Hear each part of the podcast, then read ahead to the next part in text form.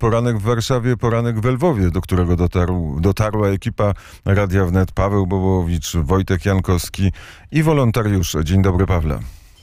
Dzień dobry Krzysztofie. Tak, rzeczywiście udało nam się dotrzeć. Wczoraj w godzinach wieczornych przyjechaliśmy do Lwowa już e, po zmroku, tak jak powiedziałeś, cała nasza ekipa. Spotkaliśmy się też od razu e, z Arturem e, Żakiem i to było takie pierwsze lwowskie doświadczenie, doświadczenie tych zmian, które też obserwujemy. Niestety tych zmian niezbyt pozytywnych, bo związanych ze zniszczeniem infrastruktury energetycznej. Wczoraj, gdy dotarliśmy do Artura Żaka i spotkaliśmy się z nim i z jego żoną, to widzieliśmy jedno z lwowskich e, osiedli, które częściowo jest pozbawione prądu, mm, e, w tym mieszkanie właśnie naszego e, korespondenta, to te utrudnienia, z którymi mieszkańcy Ukrainy borykają się codziennie. Jak przyjeżdżaliśmy wczoraj ulicami lwowskimi, to było widać te rejony, gdzie jest ciemniej, te rejony, gdzie jest, mm, gdzie jest światło, ale też doświadczyliśmy tej takiej próby poszukiwania normalności w tej całej sytuacji.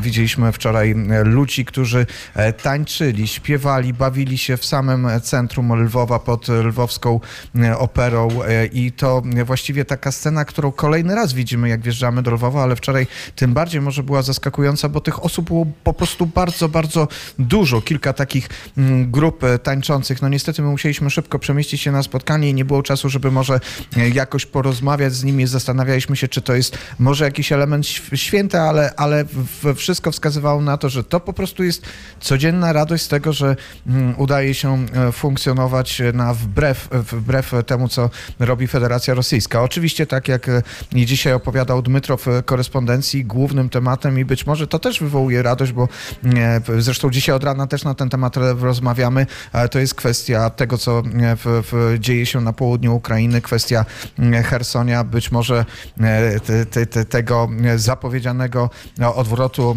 w armii rosyjskiej. No oczywiście ta, ta informacja wśród naszych rozmówców e, i wczoraj, gdy o to pytaliśmy, wywołuje, mm, wywołuje radość, ale też u niektórych wywołuje niepewność i e, nie wszyscy są tak przekonani, że tak to będzie wyglądało. A teraz no cóż, Lwów e, jak zwykle piękny, chociaż jesienny, trochę wieczny, bez deszczu. Podobno w Warszawie deszcz pada, w Lwowie nie. My za chwilę za chwilę będziemy jechali na cmentarz Łyczakowski, e, gdzie e, rozpoczną się, e, rozpoczną się pewne oficjalne uroczystości związane też z obchodami Dnia Niepodległości, bo oczywiście Dzień Niepodległości, nasze święto też o tym pamiętają miejscowi Polacy i polska dyplomacja, a też osoby, które z reprezentanci naszego państwa, którzy przyjadą, przybędą do Lwowa też na pewno o tym dniu będą pamiętać, ale o tym opowiemy już więcej e, po e, wydarzeniach. A to, co mogę już teraz też e, powiedzieć i zapowiedzieć, to oczywiście Lwów nie jest naszą,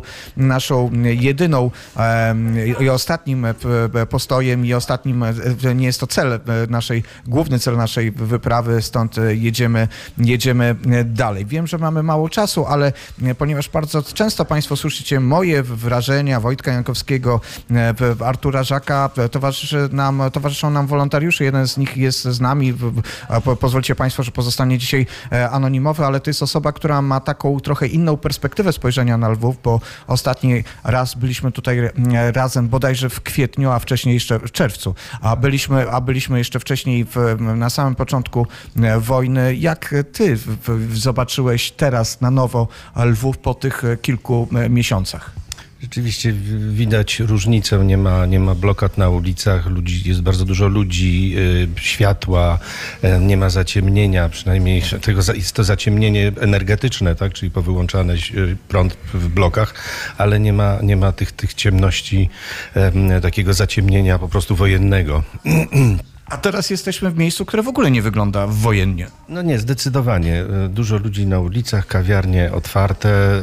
No przynajmniej tak to wyglądało wczoraj wieczorem, jak wjechaliśmy. No w tej chwili też jesteśmy w kawiarni pod hotelikiem, w którym mieszkamy. E no tak, nie, nie, nie, wygląda. Jakkolwiek widać ludzi w mundurach, którzy chodzą i jakoś jest ich więcej. Znaczy może nie więcej niż wtedy, no ale tak w stosunku do, do pewnie normalnego dnia, e, niewojennego ale to jedyne, jedyne takie mm, mm, symptom tego, że, że coś się dzieje, że jest, że jest wojna.